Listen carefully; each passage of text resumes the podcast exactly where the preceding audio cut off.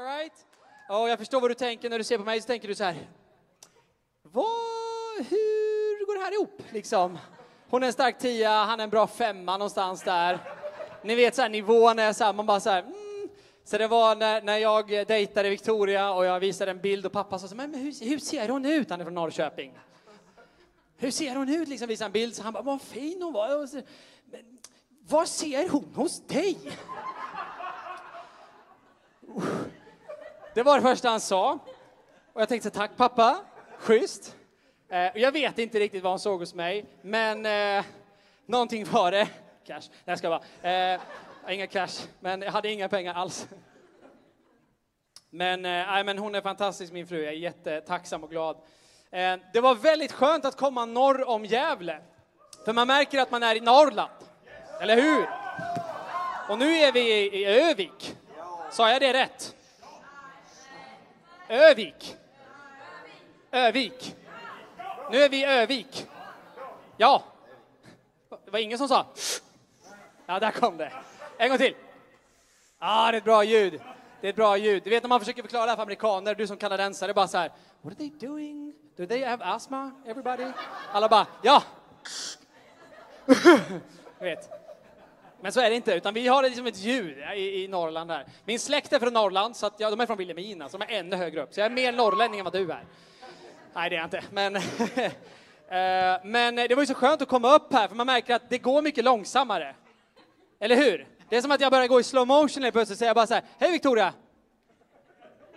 På morgonen så här. Och alla i trafiken kör jättelångsamt. Alla, det är 40 och alla kör i 40. I, I Uppsala kör vi 40, då är det 60 vi kör i. Är det 50, då är det 70 liksom. Och så är det så att alla bara så här, oh. Så helt plötsligt börjar det gå så här. Var ska vi hän? Så är en fågel.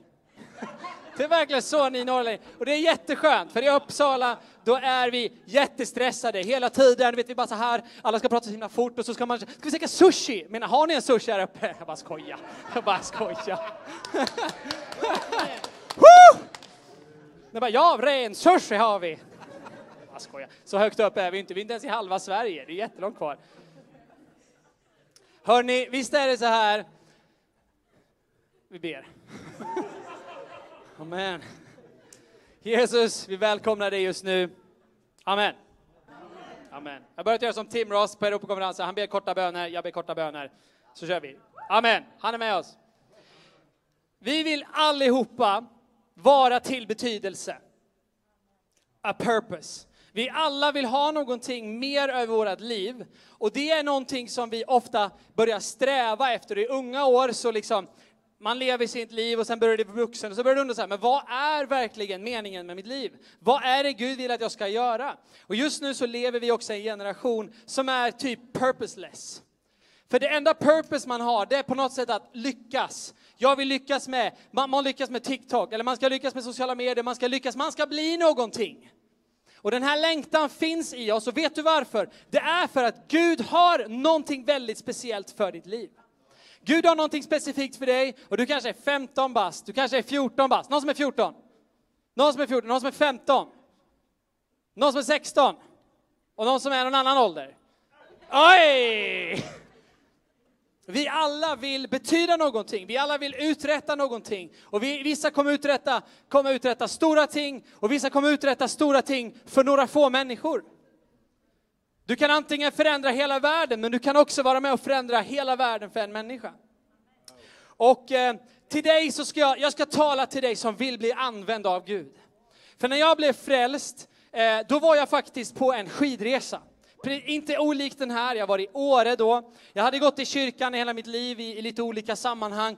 Eh, och så hängde jag med den här skidresan och de pratade om Gud på ett helt nytt sätt, som att han faktiskt fanns på riktigt. Och så sa de, var det någon som sa, vill du ha den heliga ande? Och jag var så här, är inte det bara en slutgrej man säger när man ber så här, i Gud och Jesus och helig ande? Du vet. Och så sa de, kan jag ha, få den heliga ande? Och jag blev jättenyfiken på det här. Så jag gick fram, de la händerna på mig och bad för mig. Och någonting bara strömmade igenom på min insida. Och jag grät i floder och helt plötsligt så började jag tala. Min, min mun började säga saker som jag inte fattade vad det var. Det var tungotalet som kom över mig. Och jag var bara 13 år och jag visste ingenting om livet. Jag visste inte vad, vad pubertet var än, typ. Eh, men därifrån så kallade Gud mig till någonting. Och vet du vad? Gud har någonting fantastiskt för dig. Amen. Förlåt mig. Jag ska bara.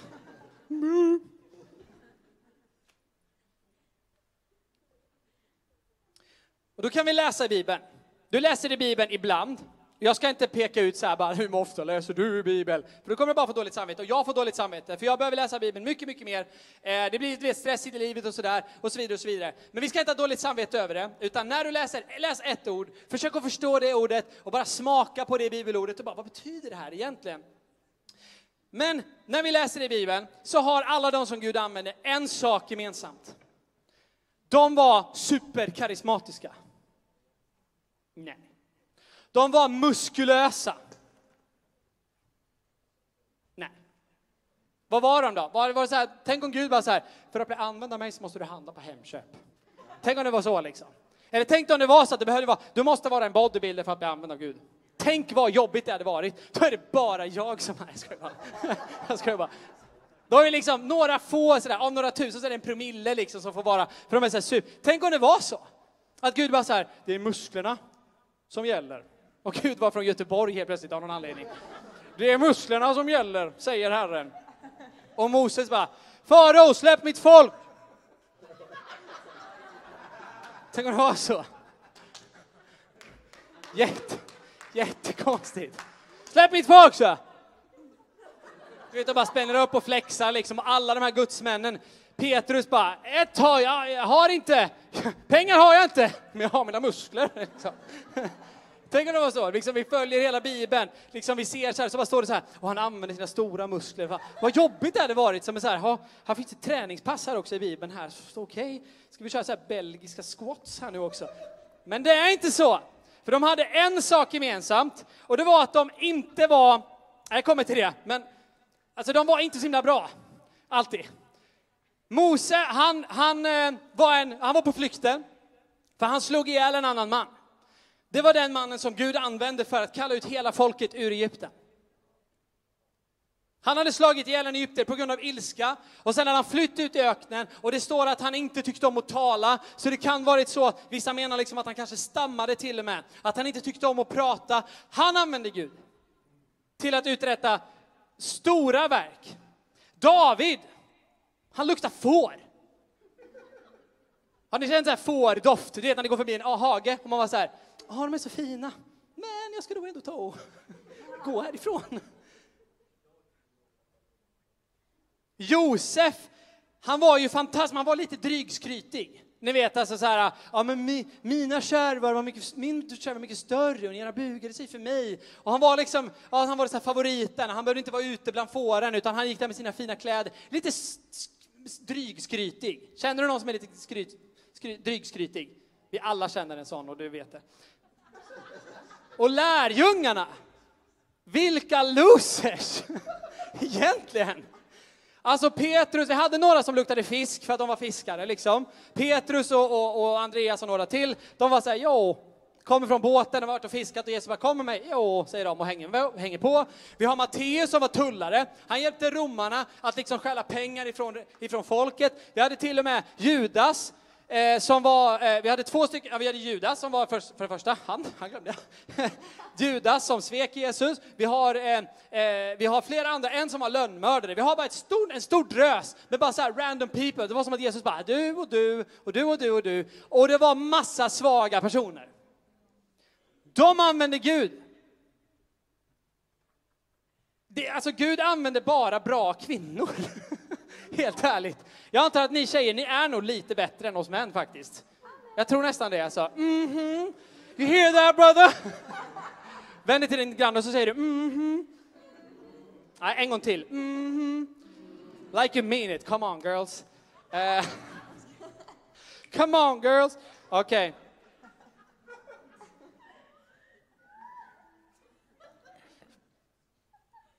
Vet ni vad de hade gemensamt? De var brustna, felbara människor som den här killen och som den där personen. De var brustna människor. De var felbara människor som gjorde fel.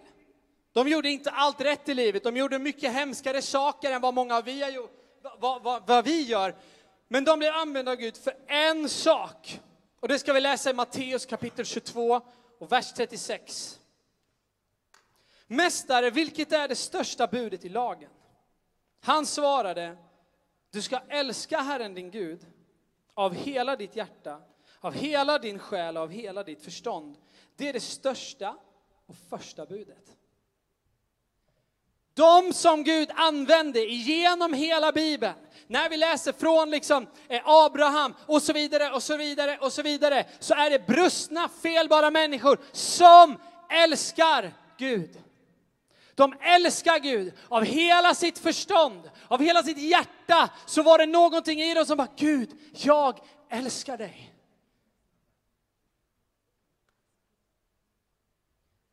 De älskade Gud. Jag blev frälst när jag var 13 år och det, jag, var, jag såg inte liksom så mycket ut för den här världen. Tanig var jag och liten. Men det var någonting i den 13-åringen som började av hela sitt hjärta, av hela sitt förstånd att älska Gud. När folk pratade om Gud i min klass så var jag den första att försvara Gud. När folk sa Gud finns inte, jo han finns visst det. Han finns visst det, jag visste inte vad jag skulle säga. Och jag stod emot läraren på gymnasiet och de sa så här, ja men det här med evolution och så vidare och så vidare. Och jag liksom, men, men Gud finns. Och jag skulle välja de svåraste ämnena att prata om i skolan, varför man ska vara kristen. Det var liksom ett föredrag jag hade, du vet när man ska hålla föredrag. Så stod jag där framme och bara stammade och hade mig och bara, jo men kristen är bra, för Gud finns. Jag visste inte vad jag skulle säga, men det var någonting i mig, i den lilla taniga 13-åringen som sa, jag älskar Gud. Ja, kom igen, kom igen. Och vem du än är idag, så ber jag att efter den här kvällen så ska du säga samma sak och besluta dig att jag ska älska Gud hela livet. Hela livet. För vet du vad, livet kommer inte att vara en dans på rosor. Livet kommer ha sina svårigheter, livet kommer ha sina utmaningar. Du kanske har nära vänner, nära människor nära dig som kanske går bort.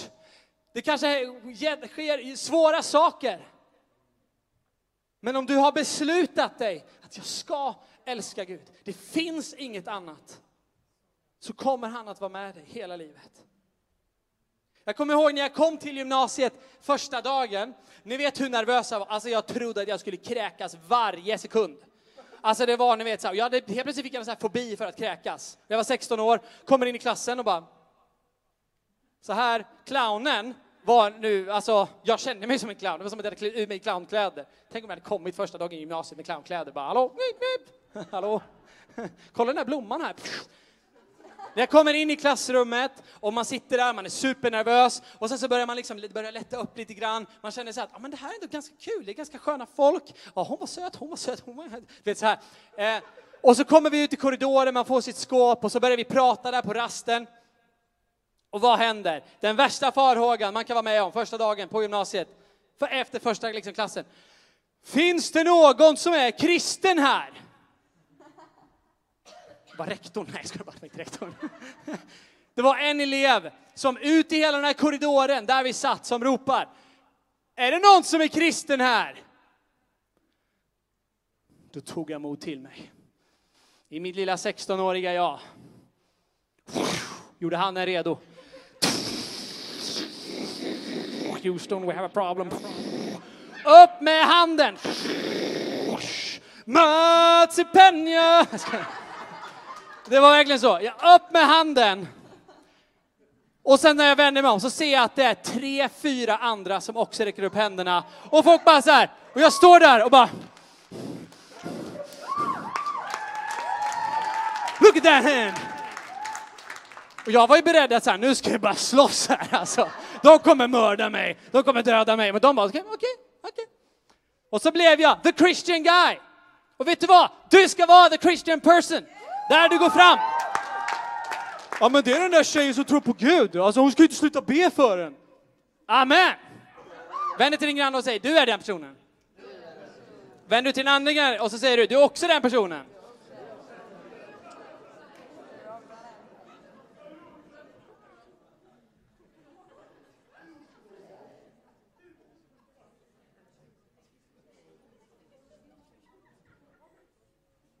Jag älskar den här meningen. Älskar honom över sitt förstånd. För det kommer komma tider där du inte riktigt förstår allting. Och redan nu förstår du väldigt lite. När du blir tonåring och när du blir lite äldre, sen när du är närmare 20, då tror du att du vet väldigt mycket. Men du vet ingenting. No offense. Vänd till din granne och säger så här, du vet ingenting. Någon bara, jo! Vad sa du? Jag vinner alltid Trivial Pursuit. Det var bara första raden som skrattade här, för ni vet inte vad Trivial Pursuit är. Eller hur? TT, alltså det är sån här... Äh, ah, ah, Frågesport. Det finns stunder och, och i, i, mitt liv där jag har bara undrat, Gud, varför händer det här? Hur kan du som älskar mig låta mig få gå igenom något sånt här? Hur kan du som älskar mig eh, eh, låta den här personen, nära vännen, gå igenom det här? Hur kan du låta, hur kan du älska när, du, när det här sker och det är krig och det är, det, det, det är liksom fruktansvärt som händer? Så är det, vi kan inte förstå det. Men det är någonting som inte kan tillåta oss att sluta älska honom. Saken är den att det inte bara är en one way street det här. Jag var, jag var på ett läger en gång i, i Norge och jag var sån här lägerledare på det här lägret och det var en, ungefär lika många ungdomar som, som det är här idag. Och jag skulle predika och efter att jag predikat så, så ville jag bara gå och sova, jag var trött liksom. Eh, och när jag står på första raden så, så är det som i mitt hjärta bara upplever att det finns en ung tjej i publiken som har haft relationsproblem länge med sin mamma. Och jag börjar skriva ner det här och jag liksom skriver upp bara, lite i min trötthet, bara Gud kan jag liksom vänta med det här till imorgon och sådär, kanske hitta någon här personen liksom. Och så skriver jag upp det här, bara på min insida. Jag var 25 år vid det tillfället ungefär och liksom skriver upp det här. Och sen bara glömmer jag det. Efter en, efter en bra stund så, när mötet är slut, så kommer det fram en ung tjej till mig. Och hon, eh, hon tittar på mig liksom och bara undrar om vi kan, om vi kan prata lite grann. Kan vi snacka lite? Kan vi snacka lite? Säger hon på norska. Och så, så går vi och sätter oss och så, och så börjar hon förklara att, eh, eh att eh, hon har haft relationsproblem med sin mamma. Under många år och det har aldrig funkat och, och, hon känner sig manipulerad av den här mamman och hon känner sig eh, liksom tryckt och hon har, hon har alltid haft en dålig självbild och aldrig kunnat älska sig själv riktigt. Och när hon sitter där och pratar så sitter jag bara först och lyssnar. Sen så tar jag upp min telefon och så visar jag det här meddelandet som jag skrev bara minuter innan. Som är exakt det som är hennes situation. Och när det händer så är det inte bara som att hon läser och känner wow vad häftigt. Utan när det händer så är det som om Gud själv träder in i rummet. Och jag sitter där och jag gör ingenting. Men det som händer det är som att Guds ande bara börjar blåsa liv igenom den här tjejen. Bara pulsar av himmelsk kärlek som hon aldrig någonsin upplevt, som hon aldrig någonsin känt. Och hon bara gråter och jag gråter och, och Guds närvaro bara blåser igenom den här unga tjejen. Och när hon är klar så säger hon så här, det känns som att mina lungor är dubbelt så stora, jag kan andas igen. Det är våran Gud. Det är därför. Amen, amen, låt komma. Det är därför jag säger, jag, jag, vet inte varför allt det här händer. Jag förstår inte, men jag vet en sak, att han har älskat mig först. Han dog för mig på korset. Han har älskat mig. Han dog för mig. Han tog, sina, han tog mina synder på sig och dog på ett kors för att jag skulle få frid med Gud. Och jag har när jag var 13 år, det var första gången jag mötte den kärleken. Och gång på gång på gång så visar Gud sin godhet emot mig. Och överallt förstånd, och ibland så kan jag inte fatta hur jag ens kan tro på det här. Men det spelar ingen roll, för jag har sett det.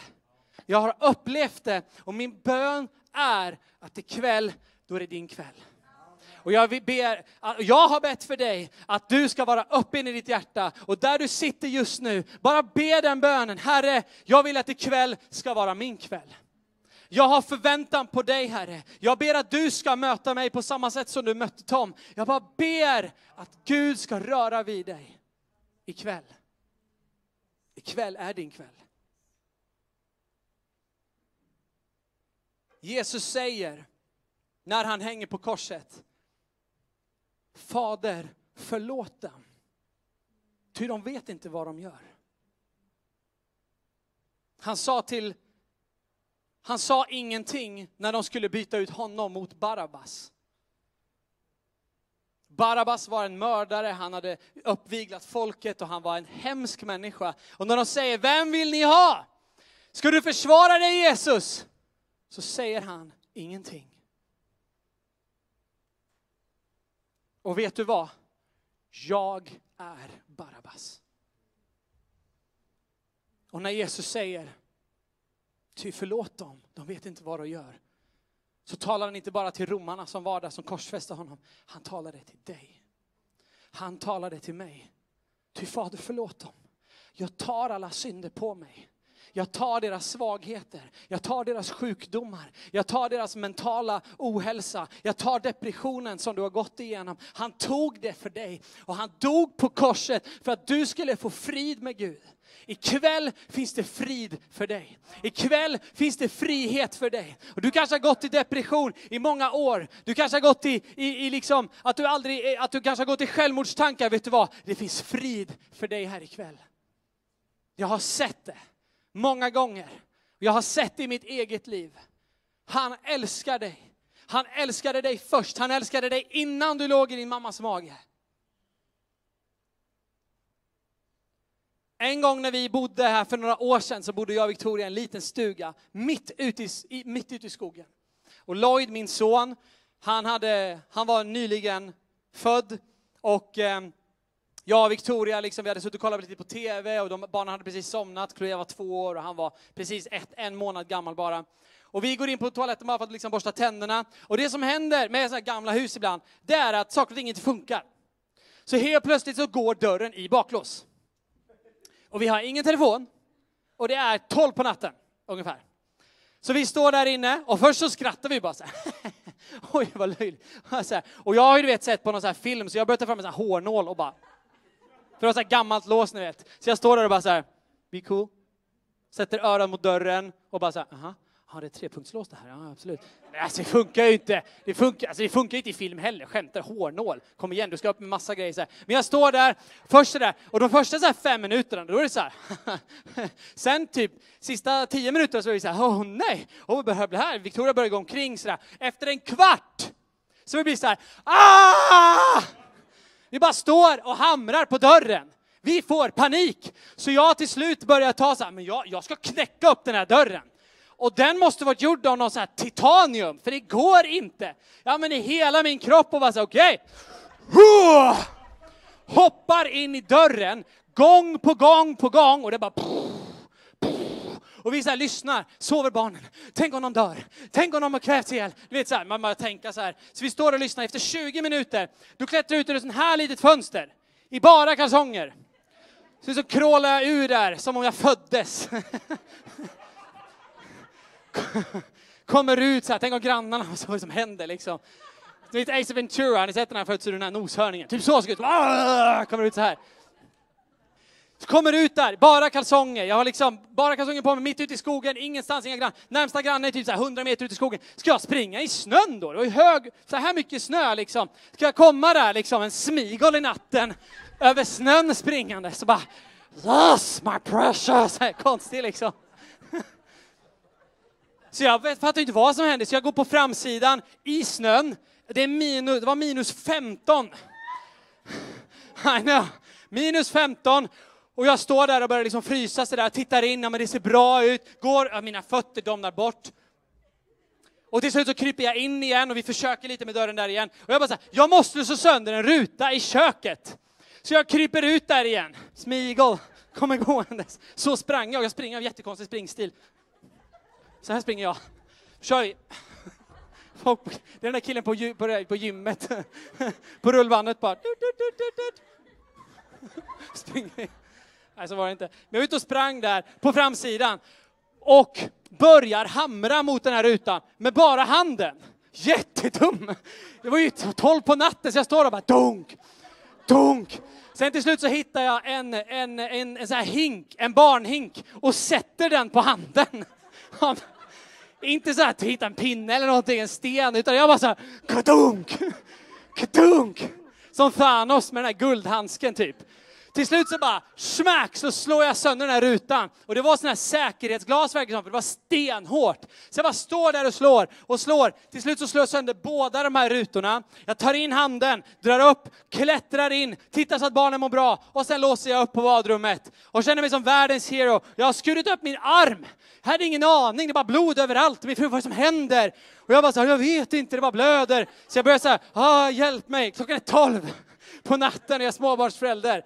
Och jag liksom bara vet, skakar av adrenalin för att liksom, nu har varit en, barnen har varit en halvtimme, en nyfödd har varit en halvtimme ute hos sina föräldrar. Liksom, det är inte bra. Eh, och min fru bara så här, wow vad duktig du var, godnatt. och bara tar och lägger sig. Och jag står där blodig och dan och bara så här swoop glass liksom, mitt i natten och tar fram dammsugaren och liksom sådär. Men vet du vad? Jag brydde mig ingenting. För att mina barn var nu trygga. Jag kan skära mig i armen, jag kan, liksom, jag, kan, jag kan göra vad som helst. Jag dör för dem ASAP om jag måste. Och precis på samma sätt, Gud gör vad som helst för dig. Han gjorde vad som helst. Och det innebar att dö på ett kors för dina synder, för att han älskar dig så djupt och så innerligt. Kan jag få ett amen på det? Amen. Och vet du vad? Lovsångarna kan komma upp här. I Lukas kapitel 7, då läser vi om en kvinna som smörjer Jesu huvud med olja. En sån olja var värd ungefär två årslöner, eller en årslön beroende på hur mycket det var. Så vi snackar liksom 300-400 000 kronor för en flaska av dyrbar nardusolja, eller alabasterolja. Hon häller detta på Jesu huvud och hon smörjer honom och det står att hon gråter och, smör, och tvättar Jesu fötter med sina tårar. Där har vi en människa som älskar Jesus. Och de säger så här, men hur kan du bete dig så här kvinna? Det, det här var ju onödigt, vi kunde gett de här, den här oljan liksom, eh, till, till, kunde gett den här oljan till, eh, till fattiga, vi kunde sålt det, vi kunde tjäna pengar, vad, vad onödigt med slöseriet. Och han säger, Låt henne vara, för hon har gjort en välgärning mot mig. Jag skulle kunna spela lite på pianot här sen. Hon har gjort en välgärning mot mig, för hon har smort mig inför min begravning. Det här var dagarna innan påsken, det var dagarna innan Jesus skulle dö på korset. Och han säger, i alla tider kommer man prata om vad den här kvinnan gjorde, men vi har ingen aning om vad de andra hette som var i rummet.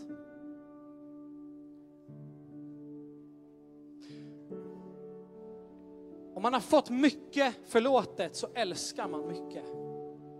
Och det som är så fantastiskt är att det här var dagen innan påsken, så att det vi kan, det vi kan dra slutsatsen av här, det är att när Jesus står inför rådet, när han blir piskad, när han blir slagen, när han blir korsfäst, så doftar han hennes olja.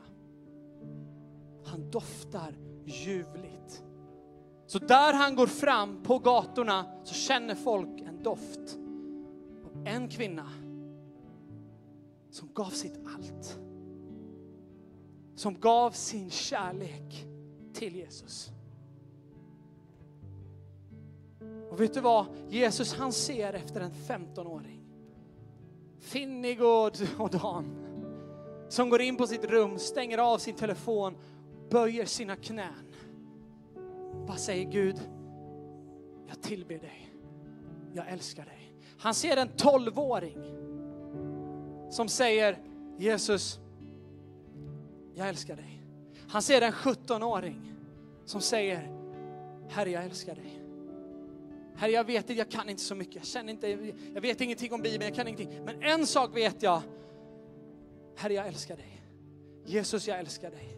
Och jag vill älska dig i resten av mitt liv. Kommer en annan vers i det här stycket vi läste förut och det var någonting som Gud pekade lite grann på när jag förberedde mig för den här predikan. I Matteus 22 38 så står det så här. Först så läser Jesus om det första budet som är att älska Gud. Sen så säger han, det kommer ett som liknar det. Du ska älska din nästa som dig själv. Det som händer när han älskar dig när du älskar han, det är att du per automatik kommer fyllas med sån enorm kärlek till din nästa. Jag ska vara helt ärlig, jag är alldeles för snabb med att döma andra människor. Jag är alldeles för snabb med att se ner på andra människor. Jag är alldeles för snabb med att tänka det ena och det andra när jag inte har en aning om vad de har gått igenom. Du har ingen aning om vem som har, går i depression. Du har ingen aning om vem som precis kanske tänkt att den ska avsluta sitt liv. Du har ingen aning om vem som dras in i droger. Vi har, inga, vi har ingen aning om vad för turbulent insida de har. Kanske aldrig fått höra att de duger, kanske aldrig fått höra att de är älskade, kanske aldrig fått bara bli bekräftade och förstå, there's a purpose. Gud har ett purpose. Och Gud har ett purpose för dig. Gud har ett purpose för den här generationen. Och vet ni vad? Jag är så trött på alla, alla, alla människor som säger att det här är förlorad generation. Jag är så trött på människor som säger det här med gängkriminalitet kommer ta över. Vet du vad? Det ska inte ta över. Det ska inte ta över. Gängkriminaliteten ska inte ta över. Vi ska ha frälsning istället. Vi ska ha kyrkor som byggs. Vi ska ha ungdomsarbeten som blomstrar. Vi ska ha det! Vi ska ha det, vi ska ta det. Och sen så säger han så här. Du ska älska din nästa som dig själv. Som dig själv. Som dig själv. Jag är min största kritiker. Du ska veta det. Att det är inte alltid så lätt för mig, det är inte så lätt att stå för mig här framme faktiskt. För det är så ofta som jag tycker själv att jag ser ner på mig själv, jag ser ner på min egen insats, precis som du gör. Säkert. Inte alla, men kanske några. Jesus säger det här, älska din nästa så som dig själv. Vet du vad? Du är dyrbar. Du ska älska dig själv. Och den här TikTok-generationen och de här Snapchat och Flab, Blap och alla de här apparna, de gör, de jämför sitt bästa. Du börjar jämföra ditt sämsta med deras bästa. Du tittar på bilder med filter som är fake. Du tittar på videor som ska framstå som någonting som är fake. De är på solsemestrar som är fake. De är på det här och det här och de har lyckats, men det är fake. Det är fake, det är fake. Vet du vad du behöver? Du behöver älska dig själv. Inte vem du är genom Snapchat, TikTok, Flab, Blap och allt vad det heter. Utan du ska älska dig själv för att han har skapat dig. För att han älskar dig. För att du är så fantastisk. Du är så fantastisk. Vi kan ge Jesus en applåd för det. Du är så fantastisk. Och jag vill att du säger det ofta. Jag älskar mig själv. Det var en kväll här för inte så länge sedan som Chloé, min dotter, sju år, frågade Pappa, vem älskar du? Han älskar ju mamma och dig och Lloyd och Jesus. Och Jesus självklart.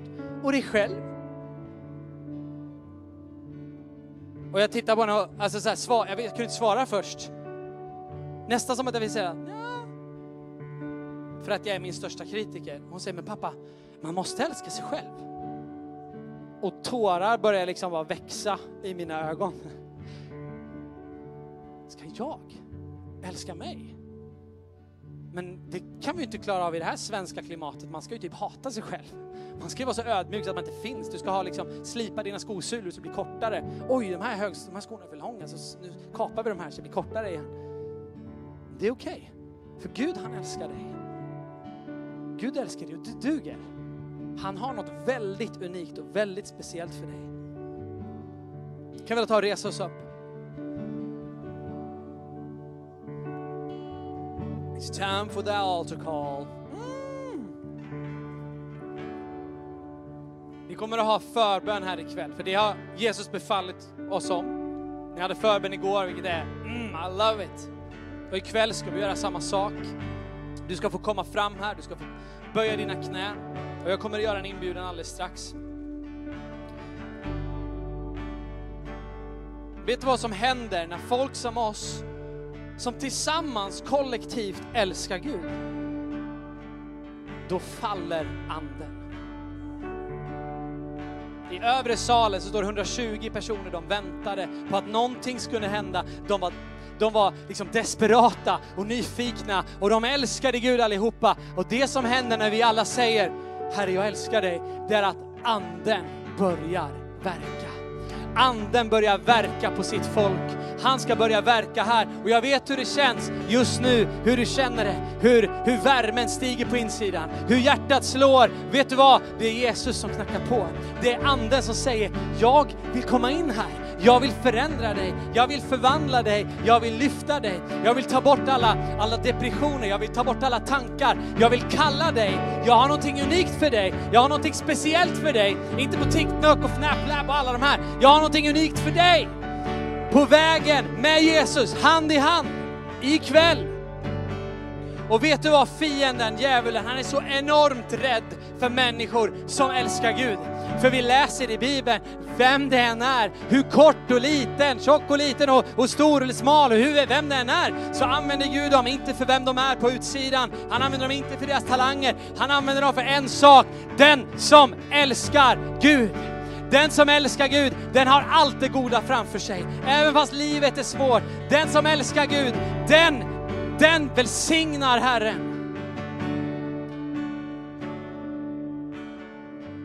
Ska vi bara ta och blunda just nu? Om alla bara blundar just nu som med respekt för din granne. Och peta inte på din granne, håll inte på, utan låt det här vara en helig stund. Det är folk som tar livsavgörande beslut just nu. Den enda som får titta här inne, det är jag.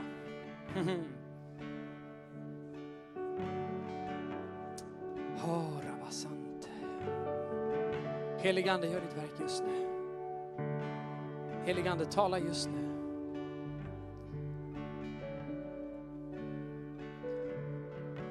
Om jag ber först så kan du be efter mig. Om du vill. Jesus, jag älskar dig. Jag älskar dig Jesus. Tack för din godhet. Tack för din nåd. Tack för att du har älskat mig först. Tack för att du fyller mig just nu med din kärlek. Just nu Herre. Fyll mig med din Ande. Fyll mig med din frid.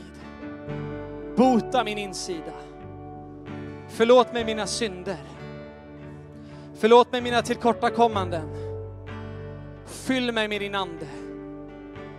Och fyll mig med din frid. I Jesu namn.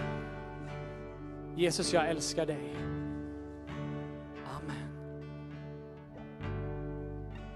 Jag vill be för dig. Och vi är flera här som skulle vilja be för dig. Och jag vet att när jag säger det så finns det någonting som kanske tar emot att du säger, vad kommer alla andra säga? Strunta i det. Ni båda två är inte här om hundra år ändå. Och vad ska ha hänt då? Ska du ha levt ett liv med Gud eller ska du ha levt i, i ett liv med vad fruktan för vad andra ska säga? Vet du vad? Gud han är redo att möta dig just nu. Just nu. Och är det så att du behöver frihet, så kan du få komma fram här. Du kanske har gått i depression länge. Du kanske går och undrar eh, vad Gud har för dig och du kanske har börjat tveka på Guds existens eller du kanske knappt har gått i kyrkan. Du kanske är för första gången i kyrkan. Du kanske inte är van att gå i kyrkan, men du bara vet att det är någonting som så här ah, vaknar och du säger, ja, jag vill det här. Jag vill ha mer av Gud. Jag vill ha Jesus på min insida. Jag vill älska honom mer.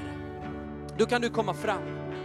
Är det så att du kanske har varit långt borta eller du kanske inte riktigt vet var du står, men du vill bara, jag vill bara ta ett beslut att ja, det är definitivt, jag ska följa Gud, jag ska gå med Gud, så kan du också komma fram.